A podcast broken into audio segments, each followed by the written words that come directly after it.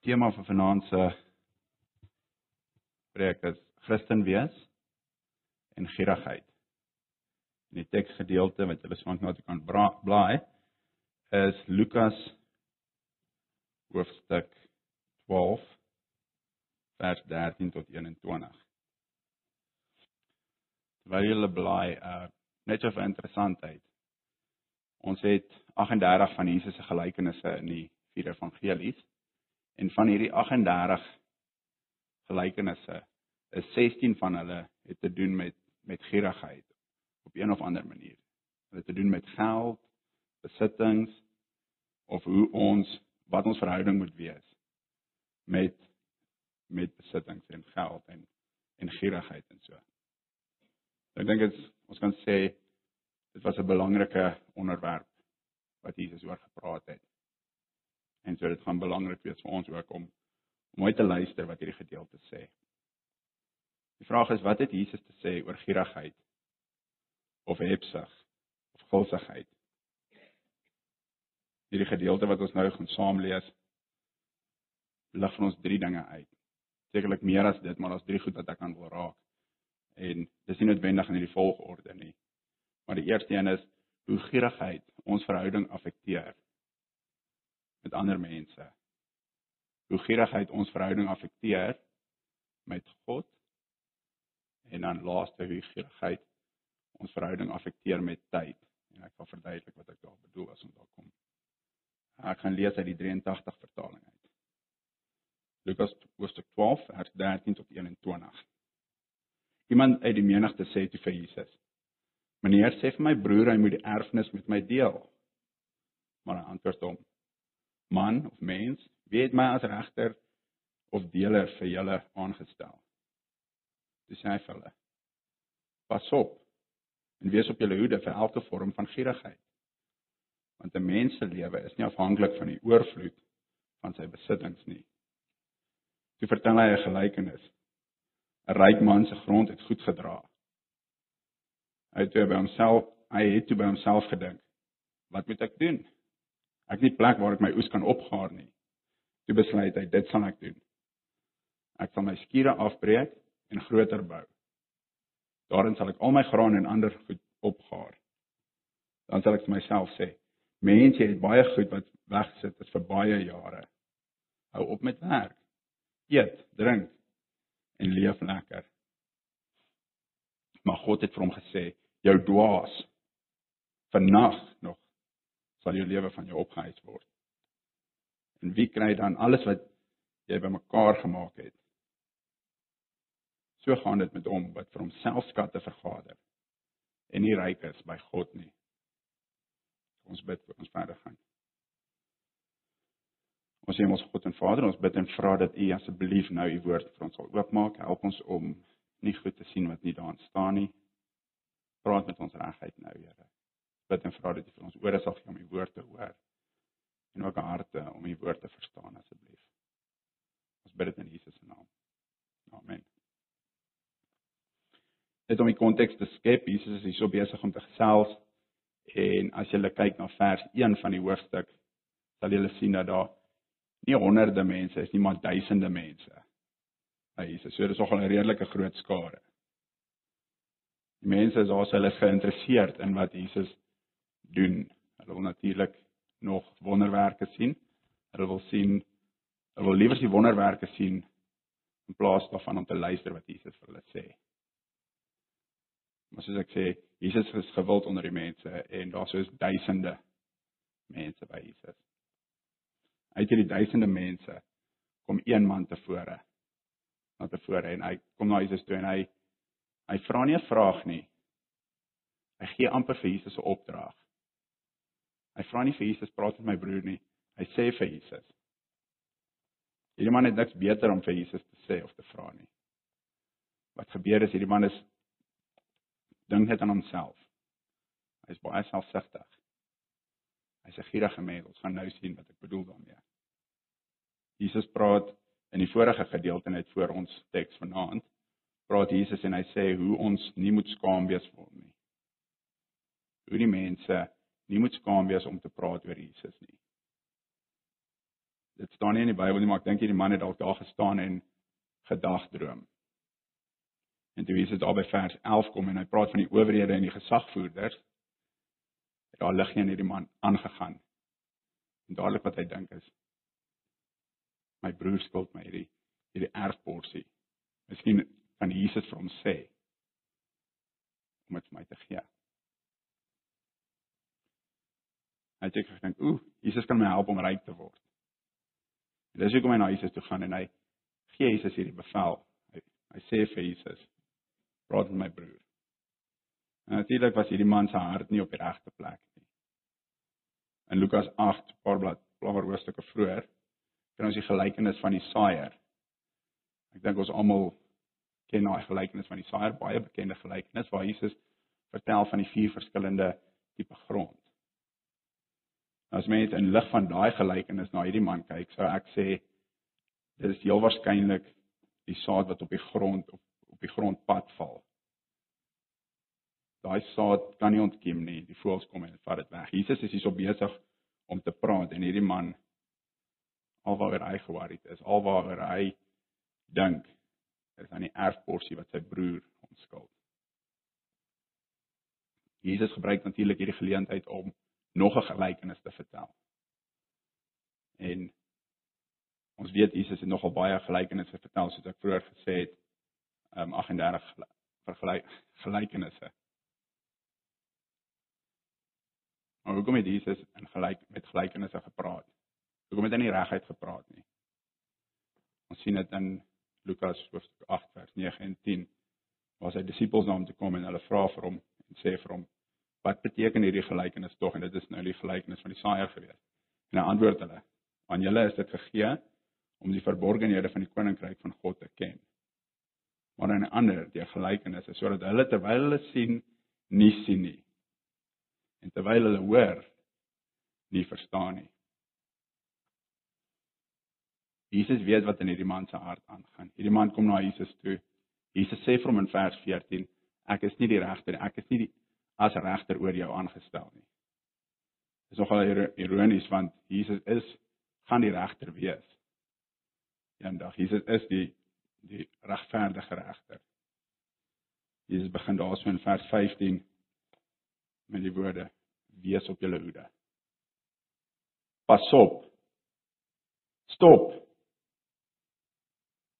As jy in 'n boot ry op 'n rivier en jy's op pad na 'n waterval toe iemand sien die waterval, weet van daai waterval, wat gaan hulle vir jou sê? Pas op. Stop. Jesus, soos hy sê, weet wat regtig hierso aangaan. En dit is kom hy die man waarsku. As jy 'n kind sien wat speel met 'n skerp mes of so iets, wat wat is jou reaksie? Jy gaan dadelik wil stop, jy gaan hom wil waarsku, né? Sê stop. Pas op, wees op julle hoede. Jesus hang as te ware 'n rooi vlag hier so uit en hy sê wees versigtig as dit kom by gierigheid. Hoekom is gierigheid so 'n gevaarlike ding? Hierdie liefde vir vir wêreldse besittings om op te gaar en meer en meer te wil hê. Hoekom waarsku Jesus ons 16 uit die 38 gelykenisse teen hierdie gierigheid, teen 'n liefde vir wêreldse dinge. Dis nie al Jesus sê nie net pas op nie. Hy waarsku hulle teen elke vorm van gierigheid. Nou dit stel voor dat daar meer as een vorm van gierigheid is. Dan sê geld, erfporsies soos in hierdie geval. Ons sien besittings, promosie by die werk, status tussen vriende, op die werk wat ook al die geval mag wees. Ons kyk na die drie gevare wat uitgebeeld word in hierdie gedeelte. Soos ek gesê dit is nie al nie, maar dit is die drie wat ons nog gaan kyk. Hoekom is gierigheid so gevaarlik? Eerstens want gierigheid affekteer ons verhouding met ander mense. Ons begin selfsugtig raak. Ons kyk wat ons uit iemand anders uit kan kry in plaas van wat ons vir iemand anders kan doen ons kyk wat iemand anders vir ons kan gee in plaas wat ek vir iemand anders kan gee. Dit is hoe gierigheid ons verhoudings affekteer. In hierdie gelykenis sien ons hoe God hierdie man geseën het. God het reën gestuur, God het die son op sy oes laat skyn en op die einde van die dag het hy 'n goeie oes gekry. God het hom geseën met 'n goeie oes. Hierdie man het nie na sy werkers toe gegaan en gesê is vir julle 'n bonus omdat julle so hard gewerk het nie. Hierdie man het nie uitgegaan en vir die weduwees of vir die weeskinders gaan geld gee of van sy oes gegee van hierdie hoe God hom geseën het. Hy hy het dit alles vir homself gehou. Hy het nie uitgegaan en dit gedeel nie. Ek gaan vers 17. Vra hy wat moet ek doen? Hy vra die vraag maar antwoord die vraag self. Miskien gee nie om dat iemand anders die vraag antwoord nie, maar hy antwoord die vraag van homself. Hy sê ek gaan dit myself hou. Van sodat hy geweet hom nie kan pla nie. Hoe gaan hy hoe gaan hy dit regkry? Hy sê hy gaan sy stoor of sy skure afbreek. En groter is bou. Dan kan hy alles wat vir homself hou. Hy hoef dit te deel met ander mense nie. Kyk na die woorde wat hierdie man gebruik as hy met homself praat. In vers 17. Dis ek en ek en my my myself 12 keer in daai 3 verse verwys hy hom na na homself toe. Dit is amper soos 'n siekte. Hy is net bekommerd oor homself. Hy praat met homself. Hy sê vir homself wat hy gaan doen. En dit is net altyd ek ek ek. Nie een keer dink hy daaraan om vir God te gee wat God vir hom vir God terug te gee wat God vir hom gegee het nie. Om met ander mense te deel. Hy dink nie daaraan nie. Sy eerste gedagte is om 'n stoor om sy stoor af te breek en 'n groter stoor te bou.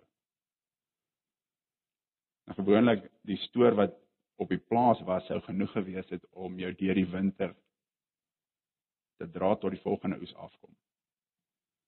En so hierdie man kon sy stoor vol gemaak het en hy sou meer as genoeg gehad het om te lewe tot die volgende oes toe. Maar ons sien die man is selfsugtig.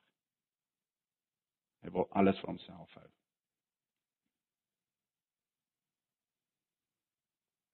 Dis ons sien hoe sy gierigheid sy verhouding met ander mense affekteer.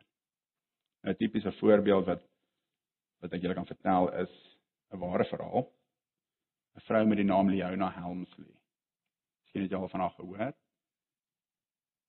sy was 'n biljoenêr. Ek weet nie of sy meer lewe nie, so ek kan verwys na die verlede. Maar sy is 'n biljoenêr gewees. Sy het 'n string hotelle besit. Sy het op 'n stadium die Empire State Building in New York City besit. Die hoogste gebou in New York. Sy het genoeg geld gehad. Nou Time Magazine vertel die storie hoe sy begin het om al hierdie rykdom al hierdie wêreldse goederes bymekaar te maak. Sy het begin deur baie synig op te tree. Sy het gekyk waar sy 'n sent kan spaar, waar sy by iemand anders 'n sent kan kry. En dis hoe sy haarself opgebou het. So erg het dit geword. Haar gierigheid dat toe haar enigste seun op die ouderdom van 40 jaar skielik dood is. En sy vrou en vier kinders agterlaat. Het hierdie vrou Leona Helmsley sy ma besluit om te dagvaar. En sy het die groot die grootste gedeelte van die landgoed het na haar toe gekom. 149000 Amerikaanse dollar het na haar toe gekom. Haar skoondogter is gelos met 'n skamele 2000 dollar. Haar enigste vier kleinkinders wat sy het, is elkeen gelos met 200 dollar. So gierig het hierdie vrou geraak dat sy haar, haar eie familie gedagvaar het om om meer geld te kon kry as wat sy klaar gehad het. Nou ek weet dis 'n dis 'n ekstreme voorbeeld wat ek hierso gebruik. Maar tot 'n mate is dit hoe ons optree as ons gierig is. Dis dieselfde ding Dit begin klein en dit bou op en dit is nooit genoeg nie. Begin ander mense indoen. Jy begin boor ander mense loop sodat jy vinniger bo kan uitkom. Dit is presies waar waar teen Jesus hierdie man waarsku.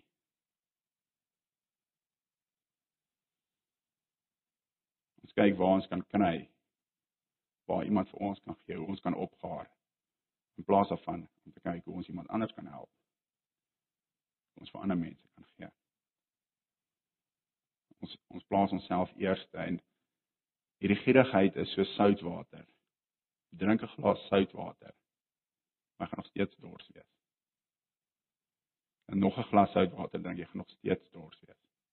Gaan altyd daai daai dors hê. Jy gaan nooit daai dors les nie. En dis hoe gierigheid ook werk. Is, jy soek nog bietjie, nog bietjie. Jy kom nooit op daai punt waar jy tevrede is met wat jy het nie. Nou ons het gesien hoe gierigheid verhouding met vriende en ander mense affekteer. Nog 'n manier of nog iets hoe nog 'n wyse hoe gierigheid ons verhoudings affekteer met God. Wat ons nou nog gaan kyk wanneer ons gierig raak vir al hierdie dinge, hierdie hierdie wêreldse dinge wat elkeen kan 'n eie lysie maak.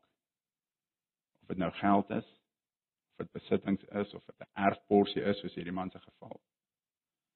Al hierdie dinge. Wanneer ons gierig raak vir al hierdie dinge, begin ons God miskyk. Ons ons aandag draai weg van God af waar dit moet wees op God. Draai ons aandag weg van God af op al hierdie ander dinge. Kom ons vra die vraag, hoe sou hierdie boer in die gelykenis, hoe sou hy gelyk het in vandag se lewe? Miskien 'n besigheidsman, miskien 'n winkelbestuurder, miskien 'n karwag, ek weet nie. Maar kom ons sê, ons maak 'n 'n karakter op en ons noem hom Frikkie. Nou Frikkie kan soos enige een van ons hierso wees vanaand. Ons sê Frikkie is 'n is 'n boukontrakteur. En hy werk baie hard. En ons sê laas jaar met die Wêreldbeker kry hy 'n groot kontrak om 'n stadion te bou of so iets. Dit gaan regtig goed met Frikkie. Ons kyk na Frikkie en ons sê ons ken vir Frikkie, so ons sê Frikkie is 'n hard harde werker.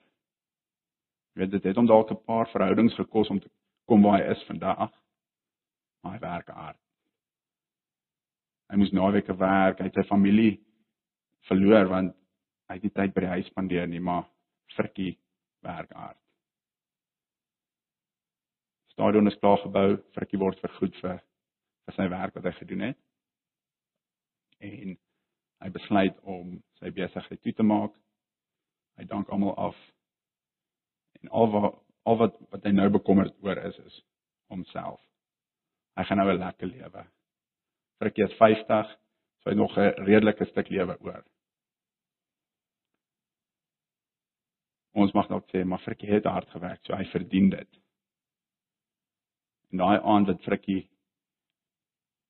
sit en hy begin planne maak van hy sportmotor wat hy nog altyd wil koop, wou koop, gaan hy nou koop. Hy gaan nou daai 4x4 koop vir naweek as hy gaan kamp of hy gaan 'n boot koop as hy dam toe gaan ja, hy begin hy begin vooruitdink. Nog altyd 'n plaas gehad het, so hy gaan hy gaan vir hom kyk vir 'n plaas. Hy gaan op die plaas aftree vakansie huis by die see of wat ook al. Hier is Frikkie besig om sy lewe vooruit te beplan. Daai aand Frikkie opstaan daar, so kry hy hartaanval. En hy is nie meer met ons nie. Wat is die eerste woorde wat Frikkie hoor? wel gedaan my goeie dienskneg of jou dwaas dit kan so maklik ek of jy wees wat 'n soort gelyke lewe miskien veraf God ons die skepping in plaas van die skepper miskien dien ons die skepping in plaas van die skepper die boere in die gelykenis was nie noodwendig 'n skelm nie Hy het nie uitgestaan as 'n as 'n skelm, iemand wat ander mense ingedoen het nie. Die Here het hom geseën. Hy het net so, hy was net so sigtig geweest. Hy het gierig geword. Weer eens en kan ek net uitlig hoe ons vroeër gesê het hoe hy altyd net na homself toe verwys. God is die een wat hom seën. Maar wat hierdie boer doen is hy praat met homself van homself. En dit is net altyd ek ek ek my my my myself, my eie goed. Hy is selfgesentreerd in plaas van God gesentreerd. En laat my dink aan die media en uh miskien stem julle saam met my as jy die televisie aansit of jy kyk na die koerant of jy stap by 'n winkel. Die boodskap wat oorgedra word is jy is belangrik. Spandeer geld op jouself. Jy jy jy dit nodig. Jy dit nodig. Heeltyd. Ons kry dit van alle kante af. Gister het ek en Adri by 'n winkel gestap en dit is kinderklere wat laat verteer in die in die venster. En daar's 'n hemp net so klein, so 'n jong, dis 'n 2 of 3 jarige kind se hemp wat wat jy kan koop. En bo op my hemp staan geskrywe: It is all about me met uitroepteken. Nou die hartseer ding is 'n ouer gaan gaan en daai hemp vir hulle kind koop. Ja, ek kan kan gaan rondloop en mense gaan lag en ek ag dit is tog te oulik. Maar dit is hoe ons onsself toelaat om sulke goed te glo. Onbewuslik sien ons hoe dit raak en dit dit staan nie meer uit vir ons nie. Die media vertel van ons hoe ons goed nodig het wat ons nie nodig het nie. Ons is weer vasgevang in hierdie in hierdie denke en 'n voorbeeld wat ek wil gebruik is as ons praat van 'n salaris verdien. Ons praat nie van God het my geseën met 'n salaris nie, ons praat van ek verdien dit. Sê nie verkeerd om 'n salaris te verdien nie, ek is dankbaar daarvoor, maar ons raak so gewoond daaraan dat ons praat van dit wat ek verdien. Hoeveel verdien jy? Ons doen dit in die kerk, ons praat met broers en susters en ons vra vir hulle wat verdien ek dink nie ons vra daai vraag nie, maar ons gesels so. Ons verwys na wat verdien jy? Miskien moet ons liewer sê waarmee het God jou geseën? Dis wat ons vra. Wat verdien jy? Ons is baie dikwels soos hierdie boer in hierdie gelykenis. Ons sien onsself raak in ons eie klein wêreldjie. En ons sê ek het dit verdien. Dis myne. Ons kyk God heeltemal mis. Ons vergeet dat God die een is wat wat ons seën met hierdie wonderlike goed.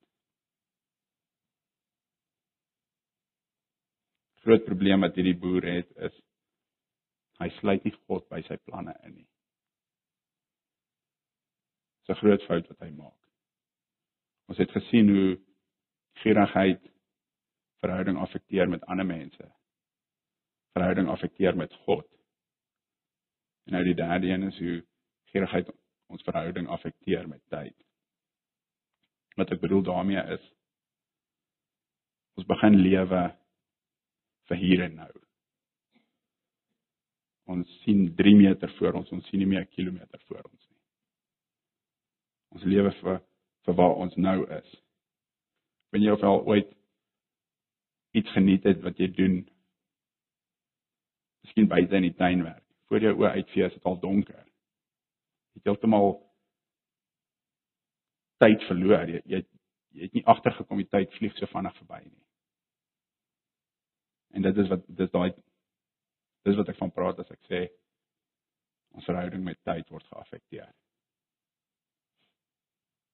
Die hier en nou lyk like so ons ons werk hard om nou hierso vir ons gemaklik te maak om lekker te kan lewe. Dis net hier en nou ons wil opgaar. Ons wil nou hierso gemaklik wees. Ons lewe asof hierdie wêreld al is. Asof dit dit is. Ons lewe ons gaan dood dis dit. Ongelukkig is dit baie keer hoe ons lewe. hierdie man in die storie laat my dink aan hierdie stoorfasiliteite wat mense sien langs die snelweg. Dis is 'n klomp motorhuise wat in 'n ry is of bo op mekaar wat ook al maar jy sien dit word geadverteer stoorfasiliteite. Dan betaal jy en jy huur 'n motorhuis grootte vertrek. So dat jy goed by die huis kan vat wat ekstra is. En dit daarso bære sodat jy weer nuwe goed kan kan aankoop. So ek dink as as hierdie boer in vandag se tyd geleef het, het hy nie nodig gehad om sy stoor af te breek en groter een te bou nie. Hy kon dit gaan in nog 'n bietjie plek by hier op die einde van die dag. ons raak so besig met hierdie lewe ons ons beste lewe, beste lewe nou hierso kan lewe.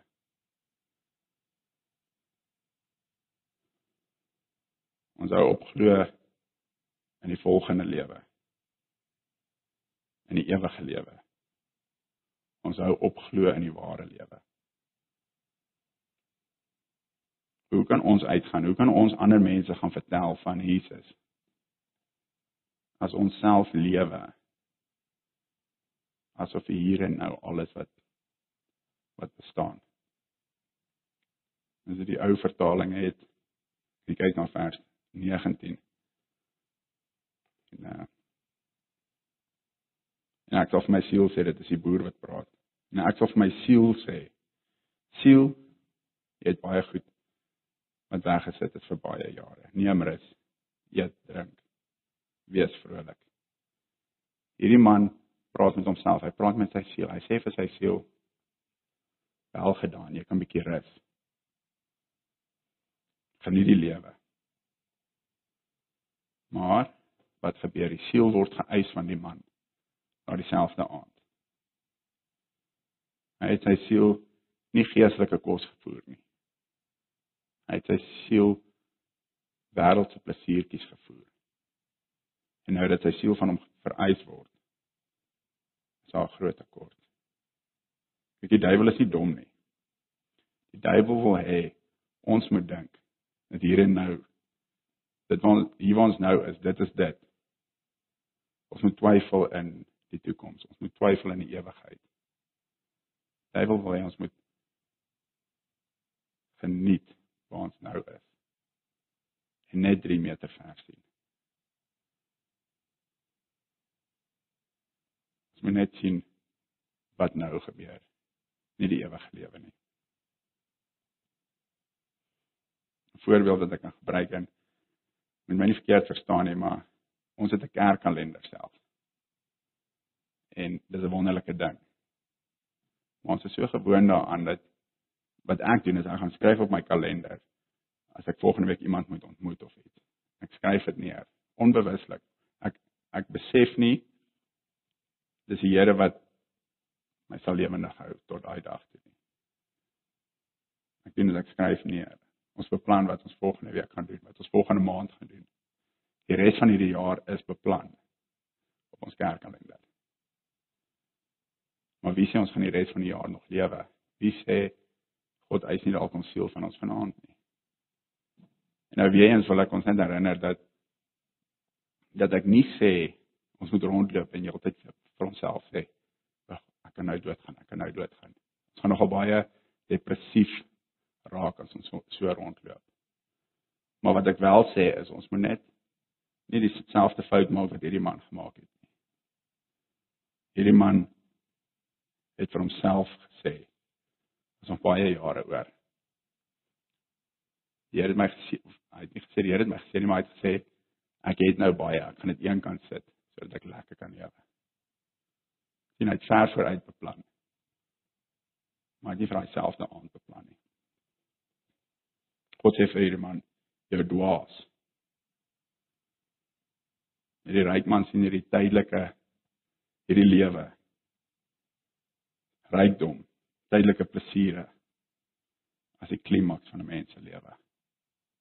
Hy sien dit as die hoogtepunt van ons lewe is om om genoeg te hê vir die res van ons lewe. Wat gebeur nou aan die man se siel word van hom geëis? en hy sit met absoluut niks nie. Hy het in die nou en hier vasgekyk. Plaas daarvan om om te lewe met die oog op die toekoms. Om 'n kilometer ver te kyk in plaas van net 3 meter voor jou. Ons lig bietjie van die kontras uit in hierdie gedeelte. Hierdie man het wêreldse status gehad. Ek seker van mense het na hom opgekyk want hy hy was 'n ryk man gewees. Aan die ander kant sê God vir hom: "Jy's 'n dwaas." Die man het planne gemaak vir jare vooruit. Vannag, daai selfde nag is die man se lewe van hom weggeneem. Sy plan was om om te eet en te drink en vrolik te wees. Hy eindig op vir die oordeelstroon met niks nie. Hy was 'n ryk man gewees in die wêreld maar hy was arm in sy verhouding met God. Gierigheid het hierdie man se verhouding met tyd heeltemal geaffekteer. Hy hy was 'n selfsugtige man. Ek glo nie enige selfsugtige persoon sê vir homself ek is selfsugtig nie. Ek dink nie dis iets wat ons sommer agterkom nie. Ek dink ons ons moet regtig die Here vra om ons te wys of ons selfsugtig is of nie. Moet nie bang wees as ons gaan sit en en wonder. Vat tyd en dink, kyk terug. Kyk hoe jy jou besittings verdeel, gebruik. Al daai klas van goed. Dit sal vir jou wys of jy selfsugtig is of nie. Die lees wat Jesus vir hierdie man wou leer hierdie man wat na hom toe gekom het om gesê het praat met my broer sê vir my broer hy moet erfporsie vir my gee. Lees wat Jesus vir hierdie man wou leer is God is die een wat alles gee. God is in beheer. Nog iets wat hy wou leer is hoe meer jy het groter gaan jou verantwoordelikheid wees. Mense wat geld vir en op die einde van die dag net daai geld hê wat vir hulle niks beteken nie. Dis 'n tydelike afgod wat hulle nie gaan dra nie. Nog iets wat hulle leer is rykdom sis ons siel aan die slaap. Regierigheid. Jy so besig om in te samel dat jy heeltemal vergeet om jou siel te voed die grootste mors van 'n lewe is om nie ryk te wees teenoor God nie. Luister na die woorde wat Jesus in vers 15 vir ons gesê het. 'n Mens se lewe is nie afhanklik van sy oorvloed nie. Ons besittings hou ons nie aan die lewe nie. Dis ons dink, ons dink as ons as ons meer het, kan ons langer dalk lewe, né? Ons het kos en klere en blyplek. Ons het daai goed nodig. Ek wil dit nie minag nie. Maar ons moet ons moet besef waar dit vandaan kom. Wie is dit wat dit vir ons gee? 'n Mens se lewe is nie afhanklik van sy oorvloed nie. Jesus se boodskap aan hierdie man was: geld en besittings is nie wat saak maak nie. Maar om jou rykdom aan God te hê. Dis die boodskap wat Jesus op die einde van die dag het. Dis hoe Jesus hom antwoord. En as hy maar net wou luister wat Jesus sê. As hy wou inneem wat Jesus sê. Sou sy en sy broer se verhouding ook seker herstel gewees het.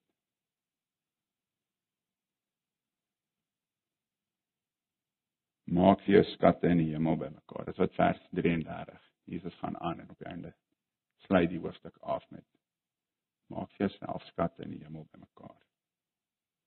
Jesus is meer bekommerd oor die man se siel as oor die man se rykdom.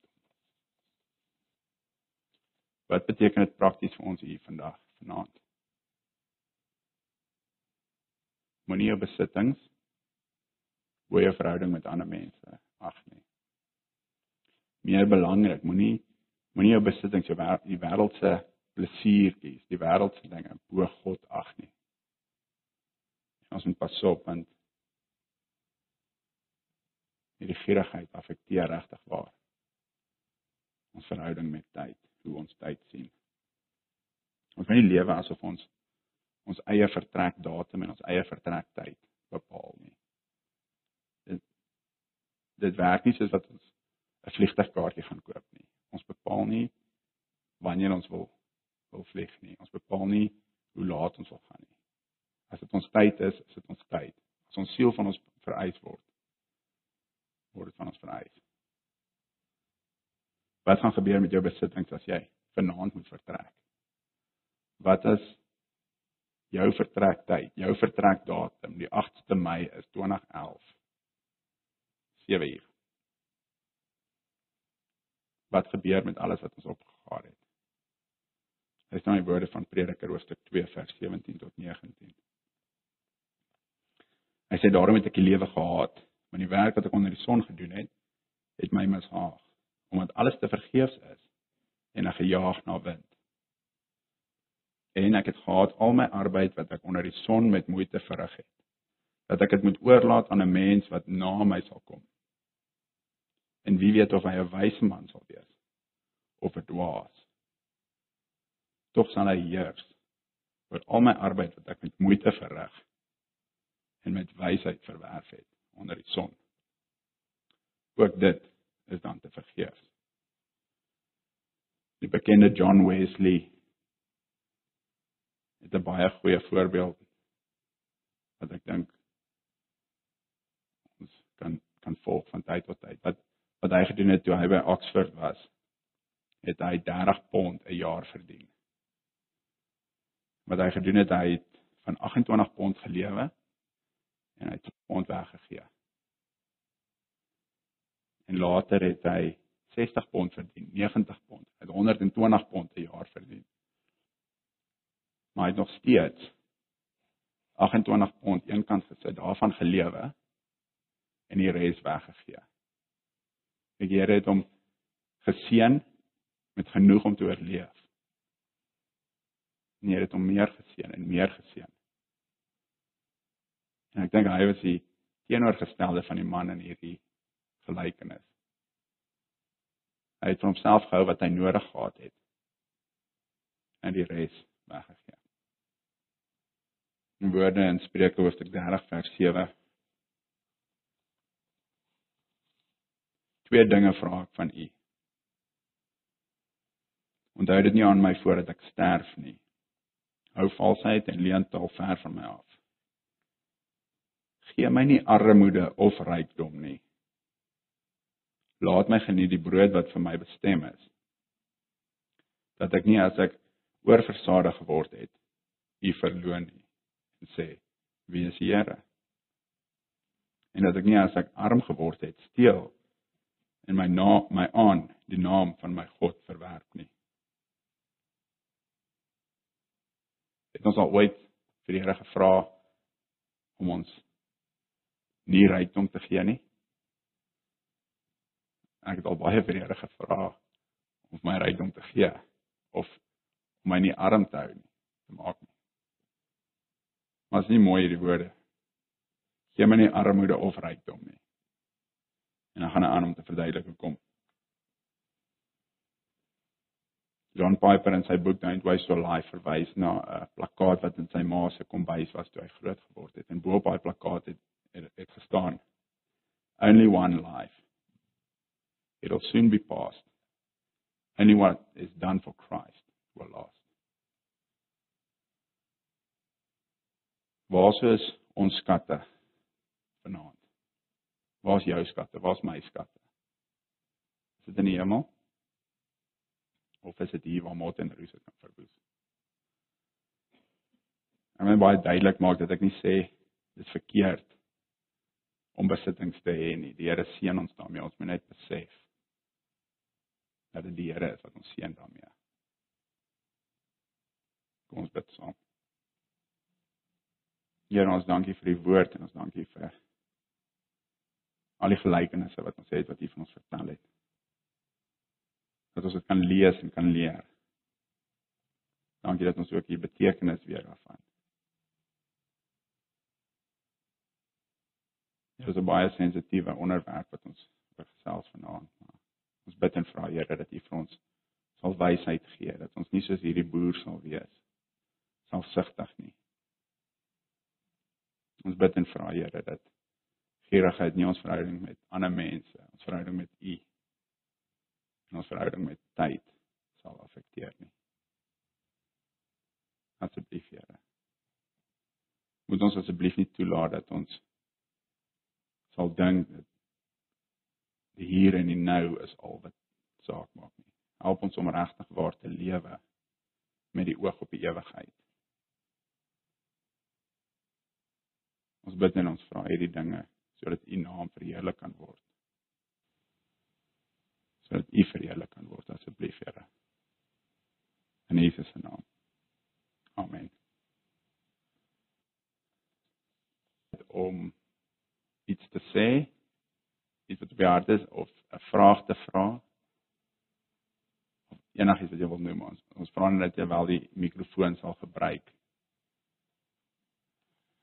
Ek wil graag die vraag vra, hoe ehm um, bring 'n mens die hele gedagte van 'n mens se pensioenfonds nou in berekening met die storie wat hierdie ou opgesit het. Ehm uh, jy het John Piper aangehaal, ehm uh, die skrywer en hy sê op stadium ja dat ons moenie ons aftrede gebruik as 'n situasie waar ons skulpies gaan bymekaar maak en so aan. En dit is eintlik wat hierdie ou gedoen het nie. Hy het nou by aftrede gekom. Dit was dalk 'n vroeë aftrede. Hy het nou 'n skeiingspakket gekry of so iets hy dit nou in ons tyd wil probeer maak. So hoe hanteer 'n mens 'n situasie nou dat 'n ou aftree? Ehm uh, jy het nou hierdie lekker pensioen en jy gaan nou lekker lewe soos wat uh dalk van julle nou reeds al op pensioen is en so aan. Kan jy dit net vir ons 'n bietjie toelig? Okay, ek sal kyk wat ek kan doen nou om te end. Ehm um, Ja, ek hou nogal van daai gedeelte wat John Piper sê, ons gaan stel tel skulpies op en dan en dan gaan ons vir die Here sê, maar kyk hierdie mooi skulpies wat ek opgetel het, né?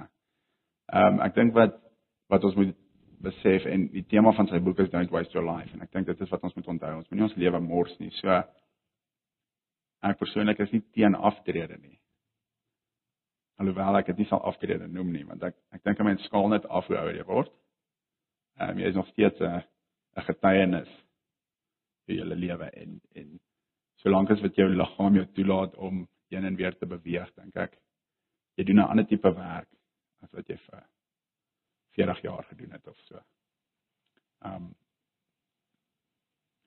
Ja, ek, ek probeer net dink waar sou staan die gedeelte wat wat sê ons moet kyk na die muur en hoe hy opgaar. Spreek dit refresh het, dankie aan Frederik. Ehm um, ja, wat wat praat dan kyk na die muur. En wat doen die muur? Die muur is besig om vir homself op te gaar. Hy werk hard sodat hy later het.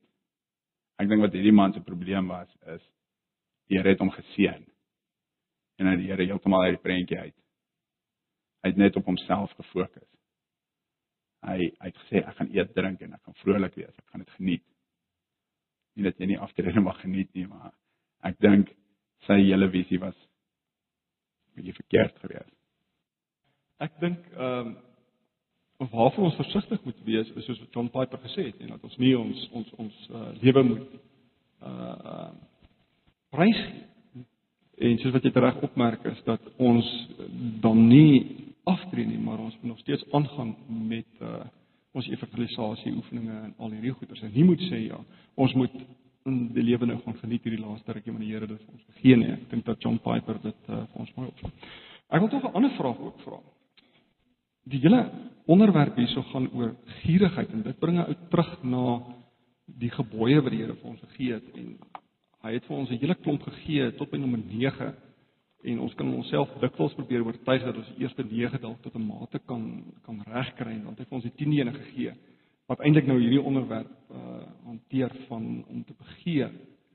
Um hoe sal 'n mens daarmee omgaan om 'n besluit te neem. Wat kan jy? Kom ons vat byvoorbeeld 'n kar koop. Nou, ek probeer dit nou baie prakties maak. Ehm um, jy kan nou 'n keuse maak oor 'n kar wat jy gaan koop. Hoe gaan jy nou die besluit neem of dit nou 'n Mercedes gaan wees of 'n Volvo gaan wees of 'n Honda gaan wees? Wat is die beginsels wat ons in die woord kry om daai goeders vas te maak? Want dis eintlik nou waar die die die die die die taier die teer tref, nê. Nee, dit is maklik om te veralgemeen en so aan. Maar ek dink ons moet die die die ding meer toepaslik maak om te sê hoe neem ons dan besluit? Kan jy daarop reageer? Okay, ehm um, ek dink aan die wat wat vir die was dit drie werkers gewees wat sekere verskillende bedrae hulle toe ehm uh, toevertrou is. En ek dink ons het dieselfde verantwoordelikheid op die einde van die dag wat ons daarmee doen. Ehm um, so eerstens ek ons het klaar gesê die Here gee vir ons. En dit hang af hoe ons houding dan is. Is dit net myself of deel ek dit? Ehm um, jou vraag oor 'n Mercedes of 'n Volla. Ek dink is maklik vir baie van ons gaan vir die Volla want jy kan nie Mercedes bekostig nie. Maar om Ja. Ehm um, dis 'n dis 'n baie moeilike ding wat jy vra want 'n mens moet na die konteks ook kyk. So ek het vriende wat in die besigheids ehm um, wêreld sending doen. En so hy moet soos 'n besigheidsman lyk. En dit is hoekom hy sal 'n uh, taamlike ordentlike kar hê. Hy sal netjies klere en al sulke goed sodat hy kan evangeliseer vir daai mense.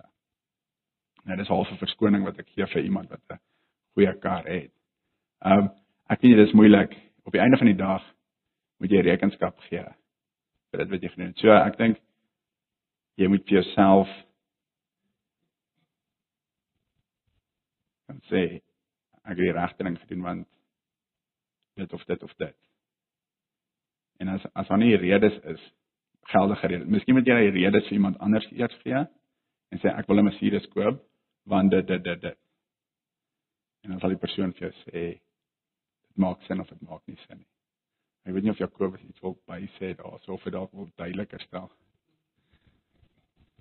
Nee, ek, ek weet nie of ek dit uh, duideliker kan stel nie. Ek dink net ehm uh, Ja, ek dink die, die koninkryk moet die met die beheerende beginsel wees, nê. Nee, in die lig van die koninkryk hierdie kar wat ek koop. So ek met ander woorde, ek dink ons ons moet versigtig wees mekaar daarin te veroordeel en te beoordeel. Ek dink reg wat jy gesê het, ons ons leef in verskillende kontekste. En ek dink ons is geneig om te kyk na die ouens met die groot karre en dan wat Christen is en hulle te veroordeel. Die vraag is hoe wat, wat het ek in my situasie gedoen? Het ek regtig dit gedoen in die lig van die koninkryk 'n besluit geneem?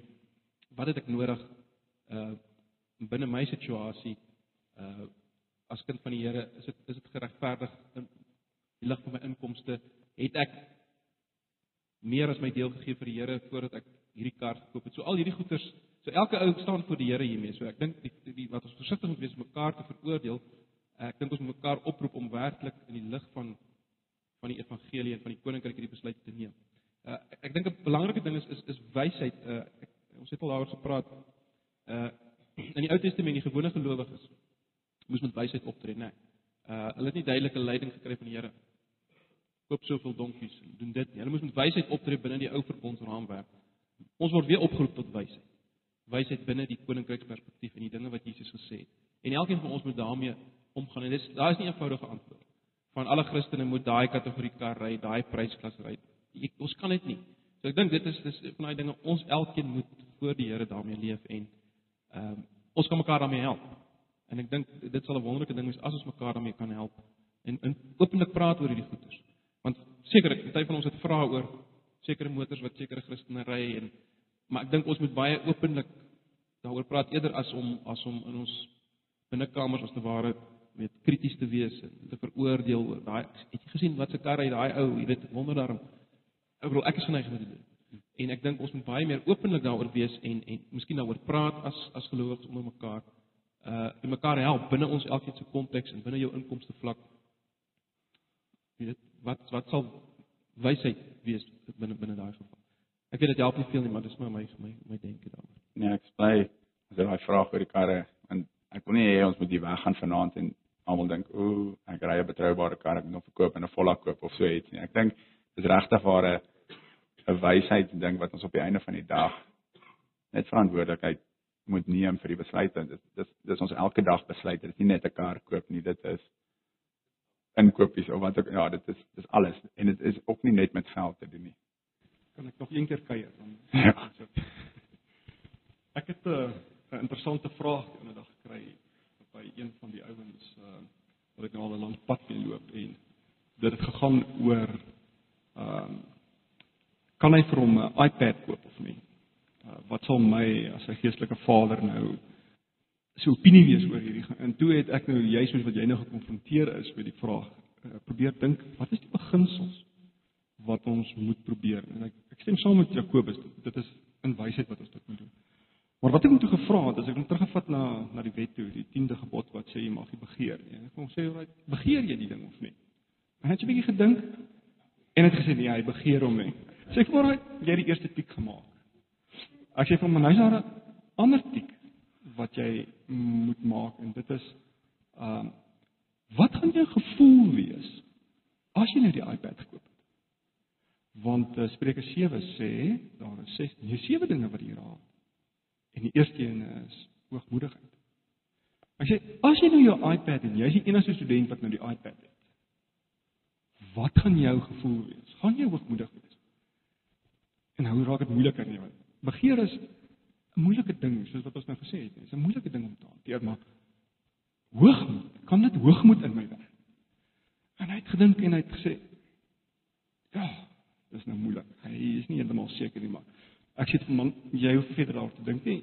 Uh, ons daar's nog 'n paar checks wat jy moet uh, wat jy moet maak. En ek sê vir hom, daar's 'n ander skrifgedeelte wat sê ja, as jy jou broer laat sondig, sou dit beter vir jou gewees het om nooit gebore te gewees het. So nou is die vraag, as jy al hierdie ander kan klik en kan check en sê jy's jy is gemaklik met dit, jy oortree nie enige morele uh, standaard van God nie.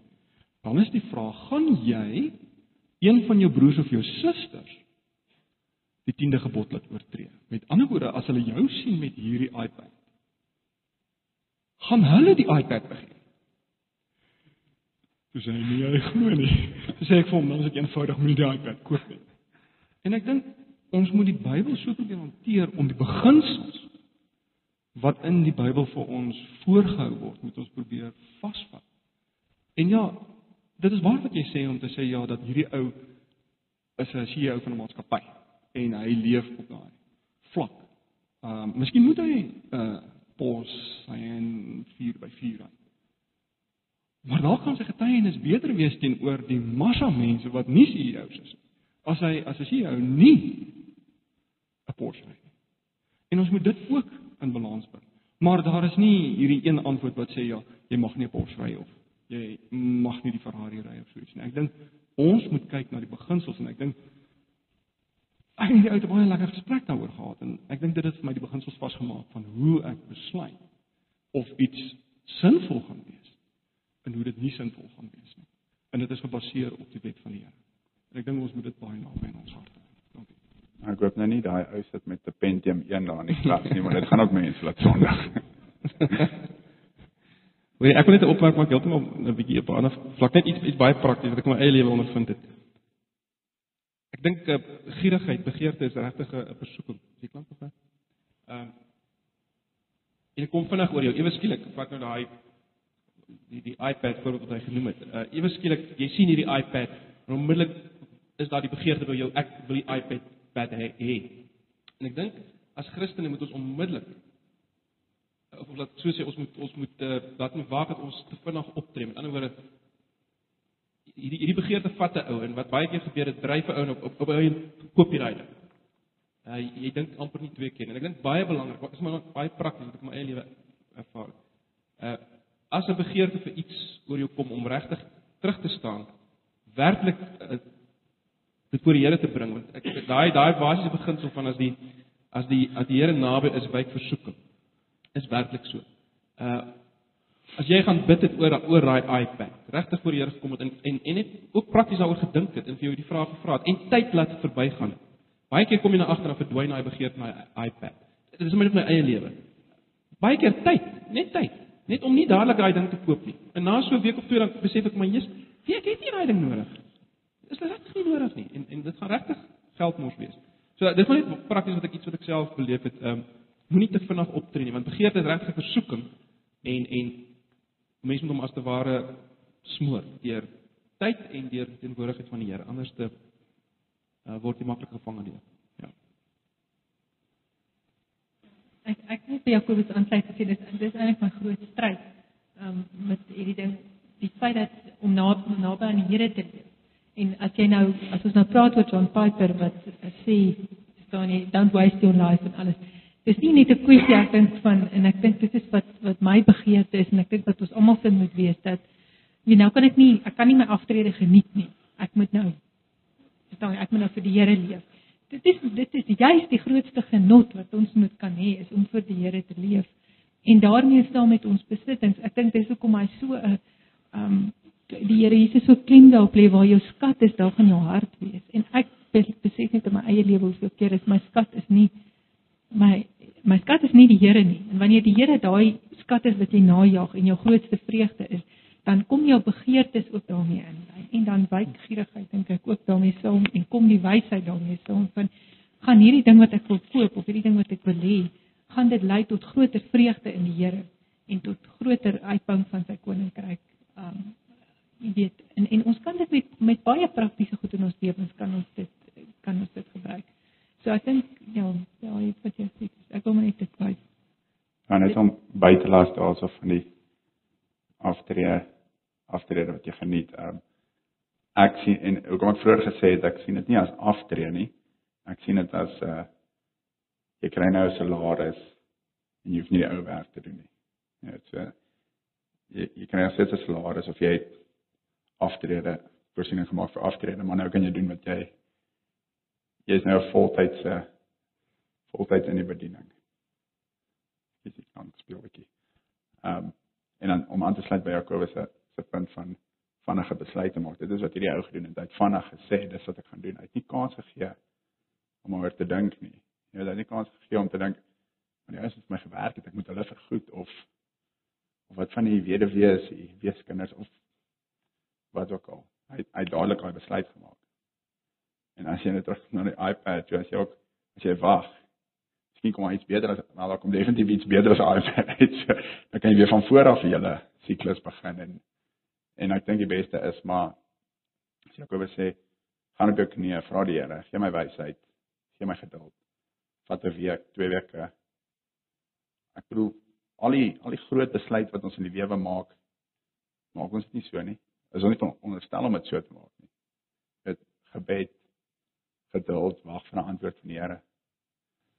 Nee, ek wil net ek wil net graag sê dat ons um, moet waak teen om te dink dat gierigheid is net met rykdom geassosieer. Dis net ryk mense wat gierig is. Ek meen ek dink soos ehm um, Henry het nou gesê, dit is ons eie reaksies tot tot ander mense se rykdom wat gierigheid in ons laat ontwaak. En ja, so ek dink jy mense moet versigtig wees om te vinnig te oordeel omdat iemand ryk is as hy gierig of iets en ehm um, eerder te kyk na jou eie hart en jou eie reaksie ehm um, oor jou begeertes. Ja, definitief. So, jy kan niks hê nie, dan gaan jy nog jy kan nog steeds gierig wees as jy niks het nie. As jy jou onder is, as jy nie huis niks het nie, nie blyplek nie, kan jy nog steeds gierig wees. So ja, dit dit word nie net by 'n by 'n salaris met 'n groot salaris geassosieer nie. Is daar enige ander aanmerkings? Ehm um, ek dink oor gierigheid die toets half is jy moet besluit het ek dit nodig of nie. Ehm um, byvoorbeeld vir wat Jakobus gesê het vir jou vir jou vir jou aftrede. Ehm um, my hare begin nou minder raak so mense begin daaroor dink. Het ek het ek genoeg uh spaar ek genoeg sodat ek my 'n sekere lewensstandaard kan handhaaf eendag as ek as ek af af af afgetree. Nou weet baie ouens plaas van om die geld wat hulle dalk van tevore vir Here se werk gegee het, sit hulle nou weet bær hulle in hulle pensioen met die verskoning ek moet dit gebruik gebruik vir my ou dag. So dit is 'n baie rele, relevante vraag. Dan die ding oor die iPad en die voertuie en so, het ek dit nodig? Jy weet, 'n voertuig se doel is is 'n vervoermiddel. As ek 'n Ferrari het om my te vervoer elke dag werk toe terug, as ek dit kan regverdig vir myself dan kan jy hom seker koop.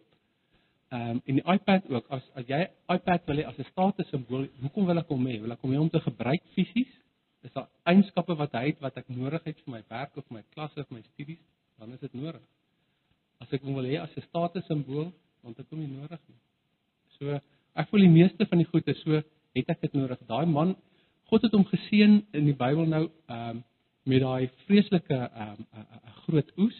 Toe moes hy vir homself gevra het, het ek dit nodig?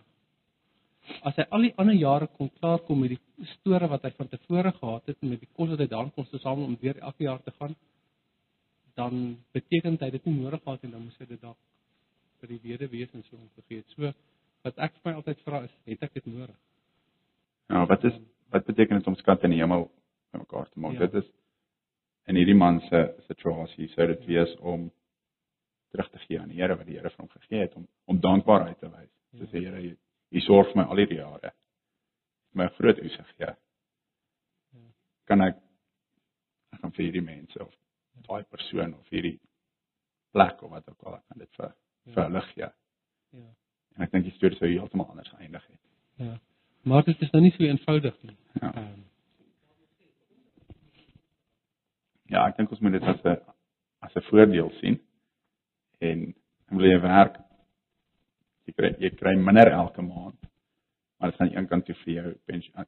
Dis hoe dit werk, nee. Ek sê op die einde van die dag is wat jy voor gewerk het. Jy gaan net jy gaan heeltemal jou jou jou tyd hoef nie meer op jou werk te wees nie. So dis eintlik iets om na uit te sien. Jy kan nou voltyds met mense werk. Jy kan voltyds die evangelie deel. Jy op watter manier ook al. Ek dink ons meer as een manier en ek dink om net daai begeerte te hou, jy weet, nie sien as aftree nie. Selfs so dat ons nie moet sien ons verdien 'n salaris nie.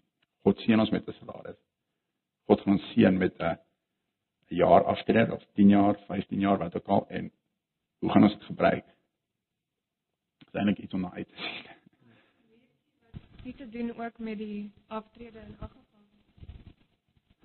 Hy weet dat daar kom winter.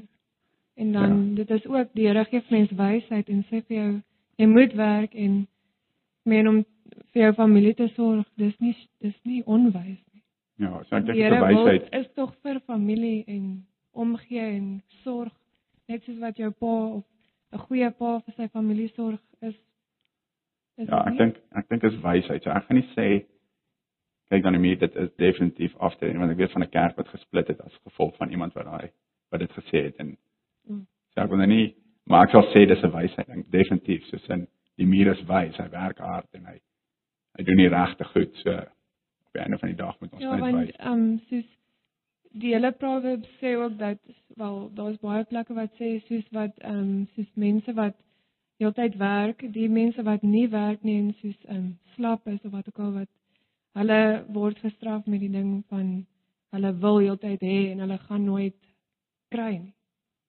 Ek dink dit is definitief is 'n baie belangrike ding is ons moet werk. En ek wil amper so ver gaan om te sê ons mag in die hemel ook werk. Werk is nie 'n veronderstel om 'n iets te wees wat ons haat nie, wat ons nie geniet nie. Ek dink uh die wêreld verander werk op 'n manier dat dat ons opkyk dat daarna toe en en ons sien nie uit daarna nie. Ek dink nie ons gaan in die hemel net net sit en waiters gaan op en af hardloop nie. Ek dink ons gaan ons gaan aktief besig wees en dit mag werk wees. Ons gaan dit geniet. Ek sien nou uit daarna. Kan ek net sê as as die man nie gierig was nie, maar wys was, sou nog steeds weet die storie gebou het, maar hy kon mense voorsien van kos. Dit is ook verantwoordelik wat hy sê. Ja. Of miskien is daar leeskiere gewees wat hy net kon volmaak in plaas van groter skiere bou. So ons weet ons gaan nou nie te veel fyn detail. OK. Ehm um, ek dink ons laat dit daarso. Ons sal miskien by 'n koppie koffie verder gesels as daar nog vrae is van vir Jakobus voordat hy huis toe gaan. En uh, ja, dankie.